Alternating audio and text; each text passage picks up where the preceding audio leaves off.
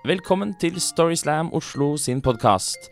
Jeg heter Audun Lunga, og med meg i studio har jeg Karoline Marie Enoksen. Ja. Velkommen. Hei, hei. Eh, historiene vi nå skal få høre, de eh, ble fortalt på Storyslam Oslo sitt live-arrangement på Kulturhuset 22. mai eh, 2016. Og første fortelling, hvem er det? Hvem er første forteller, Karoline?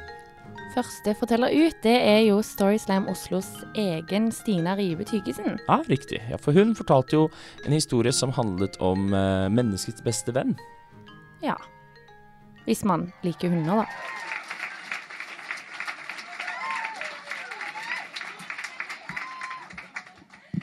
Jeg heter Stina. Jeg er 25 om to uker, tror jeg. Så sånn er det. OK. Er du, du er sånn klar? Mm. Ok. Pappas aller største kjærlighet, hun het Sasha.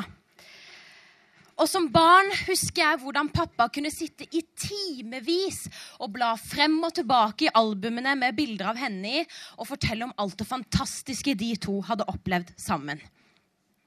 Sasha hun var liten og nett, lynende intelligent. Og så hadde hun to brune øyne du bare kunne drømme deg borti. Dessuten så var hun av den typen du kunne få til å gjøre hva du ville, når du ville. Noe som resulterte i at Sasha vant alt som kunne krype og gå av lydighetskonkurranser. For hun var nemlig i sin tid et av Norges smarteste border collier. og, og disse fantastiske historiene om hunden Sasha de vokste jeg opp med. Noe som naturligvis resulterte i at det eneste jeg ønska meg i denne vide verden, det var en hund. Og jeg maste meg grønn på pappa. Dag ut og dag inn om jeg ikke kunne være så snill å få min egen hund. Helt til en dag hvor han kikka opp på meg fra frokostbordet og sa, 'Stina, jeg har funnet en bikkje til oss.' Og jeg kunne ikke tro mine egne ører. Dette var til nå den lykkeligste dagen i mitt elleve år gamle liv. Og jeg så det for meg!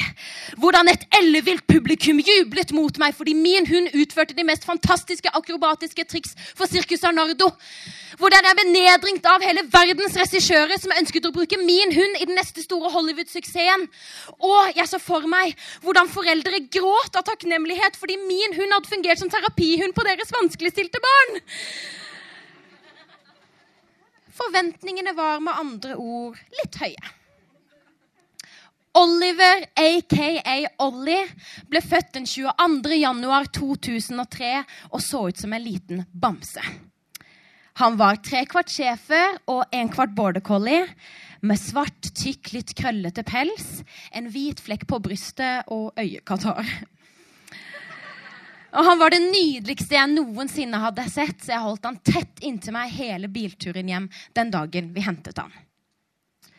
Ollie han fant seg raskt til rette hjemme hos meg og pappa. Og da han, da, og da han var blitt riktig så husvarm, ja, så bestemte jeg meg for at det egentlig var på tide å sette i gang med treninga. Ja, For man blir jo ikke akrobat, skuespiller og terapihund sånn over natta. Det krever jo hard trening og masse disiplin, så her var det bare å sette i gang. Helt i starten så begynte vi enkelt med noen grunnleggende kommandoøvelser. Men da det var gått en ganske god stund, og Ollie ikke engang forsto hva som var fram og bak på seg selv, så begynte jeg å bli litt bekymra. Pappa, når sånn cirka er det Ollie kommer til å bli som Sasha? Ja, Bare sånn at jeg vet når jeg skal kontakte Senken og Skavlan for et eksklusivt intervju. Pappa trakk litt på smilebåndet før han kikka på meg med et pedagogisk blikk. Og så sa han, 'Stina, Sasha var en veldig spesiell hund.' Og jeg tenker derfor at vi kanskje kan se på det som om Ollie har noen litt andre kvaliteter enn henne. Andre, andre kvaliteter Jeg skjønner ikke eh, Hva skulle det være, liksom? Bjeffe på sitt eget speilbilde? Løpe etter katter og jokke på leggen til nabojenta? Og det var akkurat det det var. For uansett hvor mye vi trente, så kom han ingen vei. Og til slutt så måtte jeg innse at min karriere som kjendishundeeier den var brått over. Og jeg var utrolig skuffa. Jeg var skuffa over meg selv. Jeg var skuffa over Ollie. Og plutselig var det liksom ikke så stas med hunda likevel. Men en dag da jeg var aleine hjemme sammen med han, så fikk jeg en åpenbaring. Jeg var blitt en rundt 13-14 år gammel, og akkurat denne dagen så ble jeg hjemme fra skolen fordi jeg følte meg ikke helt frisk. Pappa han måtte dra på jobb, og en stund etter at han hadde gått, så kom en nå fullvoksen Oliver på nærmere 55 kilo med lang, svart pels og to spisse ører tassende opp fra kjelleren.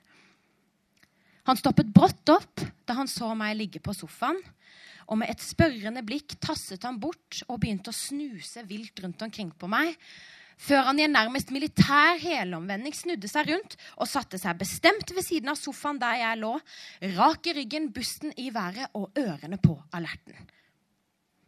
Eh, dekk, forsøkte jeg å kommandere. Legg deg ned! Men det skjønte han selvfølgelig ingenting av. Og jeg begynte å føle meg ganske mye dårligere og fant ut at denne kampen den orker ikke jeg å ta, så jeg snudde meg over på sida og sovna. En kort stund etterpå våkna jeg opp av en forferdelig hodepine mens en bølge av varme skylte gjennom kroppen min, og jeg forsto at nå var jeg blitt skikkelig syk. Ollie han satt like bestemt ved siden av meg, og jeg fant ut at det beste ville være å ringe pappa. Telefonen min den lå ute i gangen, så jeg spratt opp av sofaen for å hente den. Men da jeg hadde tatt noen skritt ut på stuegulvet, så merka jeg plutselig hvordan hele Fjellveien 30 begynte å spinne rundt og rundt og rundt. Og det var som om gulvet forsvant under beina mine idet knærne svikta, og tyngdekraften dro meg fremover med hodet først mot TV-en. Og akkurat idet febervarm panne skulle til å treffe flatskjerm, så reiste Oliver seg opp og tok imot fallet mitt med den sterke ryggen sin. Jeg ble liggende der over han lettere fortumla noen sekunder før jeg kom til meg selv, fortsatt bestemt på å hente telefonen min. Men jeg hadde problemer med å holde balansen, så jeg grep tak i halsbåndet hans. Og som Frodo og Sam på vei mot Mordor, så kjempet vi oss veien ut i gangen sammen. En drøye 20 minutter medregnet pause var vi endelig framme, og jeg fikk tatt telefonen og ringt pappa og gitt beskjed. Og nå gjensto bare den lange ferden tilbake til sofaen. Men med Ollie som en skygge ved min side visste jeg at jeg kunne klare det. 'Stina, er du våken? Hvordan føler du deg? Hva er det som har skjedd?' Jeg våkna opp og stirret inn i pappas bekymrede øyne mens hundrevis av spørsmål hamret mot meg. Men det eneste jeg klarte å tenke på, det var én ting. 'Hvor er Oliver?' spurte jeg. 'Nei, bikkja', sa pappa. 'Han ligger fullstendig utslitt ute i hagen. han. Hva er det dere to har drevet på med hele dag?' Og det var da jeg forsto det. Ollie var kanskje ingen sirkusakrobat, skuespiller eller terapihund for den slags skyld. Men han var i hvert fall min hund. Og det kom han også alltid til å være. Så fra den dagen av så var det egentlig godt nok for meg.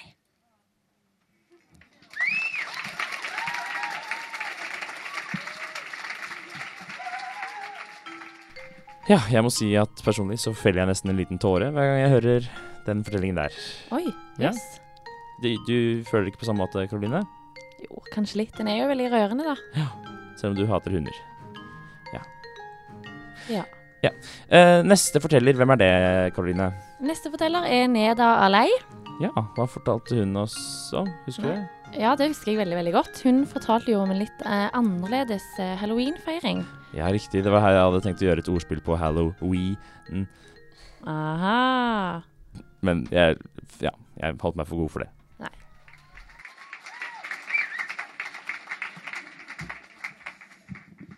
Hei. Jeg må Ja, det holder, det her. Jeg heter Neda. Jeg er straks 25, og jeg har funnet drømmemannen, heldigvis. Det er første skoledag i femte klasse. Jeg har på meg favorittantrekket mitt. En lysegrønn pologenser, rosa slengbukse fra Miss 60 og nye blinkesko. Jeg skal begynne på en helt ny skole i byen. Og jeg er kjempeklar for å møte mange nye mennesker. Og få meg masse nye venner. Jeg har til og med gredd en sideskill for anledningen og brukt hele morgenen på å rette ut det lange, mørke, krøllete håret mitt. Den første skoledagen på ny skole, den var utrolig skuffende for en så positiv og ivrig sjel som meg. Det viste seg nemlig at jeg verken var noe kul eller passet inn. Jeg fikk rett og slett ingen nye venner den dagen. Den eh, kommende høsten den ble utrolig vanskelig for meg. Den krevde rett og slett mye av meg som person. Som et menneske med behov for både bekreftelse og anerkjennelse fra de rundt meg, så måtte jeg eh, ofre en hel del av min identitet for å bli akseptert av de andre jentene i klassen. Jeg måtte f.eks. gi bort de rosa slengbuksene fra Miss 60. Jeg bytta ut pologenseren med en magetopp. Jeg gredde om sideskillen min til en midtskill, selv om den fikk panna mi til å se kort ut. Jeg måtte slutte å høre på Mambo Number Five, for jeg hadde hørt at den var so last year.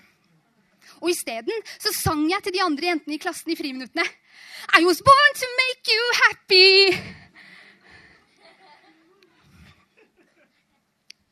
Jeg kunne ikke forstå hvorfor ikke jeg fikk meg venner. Jeg kunne ikke begripe hva jeg skulle gjøre for å bli sett på som kul. Helt til muligheten åpnet seg opp for meg en vakker, solrik dag i starten av oktober. Den kuleste jenta i klassen hadde bestemt seg for å arrangere en halloweenfest i hagen sin. Og jeg jeg var invitert. Jeg ignorerte faktum at hele klassen fikk invitasjon, og så på dette som min gylne mulighet til å vise verden nettopp hvor kul jeg kunne være. Den store kvelden nærmet seg, og jeg planla halloweenkostymet mitt med omhu. Jeg bestemte meg for å gå kledd ut som en heks. Jeg var med andre ord særdeles original, for det var ingen andre som hadde tenkt det samme som meg. Jeg var selve definisjonen på kul. Jeg ankom nemlig festen fashionably late, for jeg hadde lest at det er teit å komme for tidlig til en fest. Og enda verre å komme tidsnok. Vet dere hva? Jeg var ikke populær. Det skjønte dere sikkert. Men opptatt, det var jeg. Jeg hadde nemlig brukt eh, hele ettermiddagen på å bestemme meg for om jeg skulle rette ut håret mitt sånn som jeg pleide, eller la det være krøllete sånn som, sånn som det egentlig var. Jeg endte opp med å rette det ut, selv om det kanskje hadde vært bedre for kostymet mitt å la det være krøllete. Eh, ja, jeg ble fornøyd med valget til slutt. Ja. Halloweenfesten i hagen, den ble raskt folksom og høylytt. Jeg drakk kopper etter kopper etter kopper med punch. Jeg mingla med de kule jentene, lo på de riktige stedene, og de morsomme kommentarene kom som perler på en snor. Jeg kunne kjenne hvordan jeg sakte, men sikkert krabbet meg oppover kulhetsstigen og fikk status blant jentene. Jeg gjorde rett og slett alt etter boka. Helt til jeg hadde drukket så mye punch at jeg begynte å kjenne blæra mi fylle seg. Jeg kjente hvordan kroppen min anspente seg i den kalde oktobervinden. Håret mitt gikk fra å være helt rett til å sakte krølle seg tilbake, til å se ut som en sau med behov for sommerbarbering. Jeg kjente hvordan fingrene mine frøs rundt koppen. Og for hver slurk av punch jeg tok, kjente jeg kvalmen stige fra magen og opp. Jeg måtte rett og slett på do. Men jeg kunne ikke gå fra festen. Jeg kunne ikke gå inn. Jeg hadde ikke lyst til å gå glipp av noe kult som ble sagt eller gjort. Så jeg bestemte meg for å holde meg. Jeg knep sammen så godt jeg kunne. Drakk mer punch, lo mer på de riktige stedene og kom med enda flere morsomme kommentarer. Helt til det ikke gikk mer.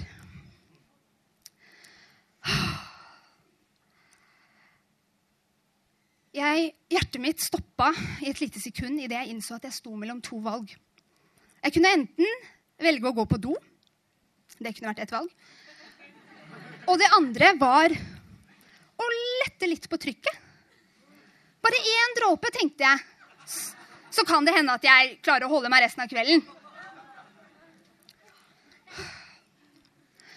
Når jeg ser tilbake på denne utrolig avgjørende og viktige kvelden i mitt liv, så forstår jeg jo at det hadde vært kulere av meg å ha gått på do. Ingen hadde sett på det som ukult om jeg hadde gjort det. De hadde tvert imot syntes det hadde vært helt normalt å gå på do når man må tisse. Særlig når man er ti år og går i femte klasse. Men dere, det tenkte jeg rett og slett ikke på der og da. Så jeg bestemte meg der jeg sto blant de kuleste jentene du noen gang har sett, for å lette på trykket. Og jeg tissa. Masse. Resten av kvelden har jeg fortrengt. Men én veldig viktig ting har jeg lært av dette. Det er ikke så viktig å være kul. Takk for meg. Nei, det fins altså ingenting som heter å bare tisse litt. Nei, Nei. det går veldig dårlig. Det har vi fått erfare. Alle og enhver, tenker jeg. Um, yes, denne podkasten er over for denne gang. Um, neste Storyslam liveshow, når blir det, Karoline? Jo, neste Storyslam liveshow det blir faktisk på Slottsfjellfestivalen. Oi. Aha. I Tønsberg Tønsberg, den eh, 16. juli Mhm. i campingvognscenen. Så ja, I forrige podkast sa du at det skulle være klokken fire. Eh, er vi helt sikre på det? Nei, Nei. det bare fant jeg på. Det fant du på. Så det det blir eh, et klokkeslett. et et, et, klokkeslett på Slottsfjellfestivalen eh, 16. juli. Um, I mellomtiden så kan du følge vår podkast, som kommer ut med jevne mellomrom. Og hvis du ellers er nysgjerrig på Storyslam Oslo og hva vi holder på med, så finner du oss på Facebook og Instagram og kanskje noe mer. Kanskje noe mer? Kanskje det kommer en Twitter? Twitter, sier du? Ja, kanskje det kommer en blogg? Men vi har ikke Twitter ennå. Nei. Og ingen blogg. Nei. Men ja, dagen er ung. Vi får se.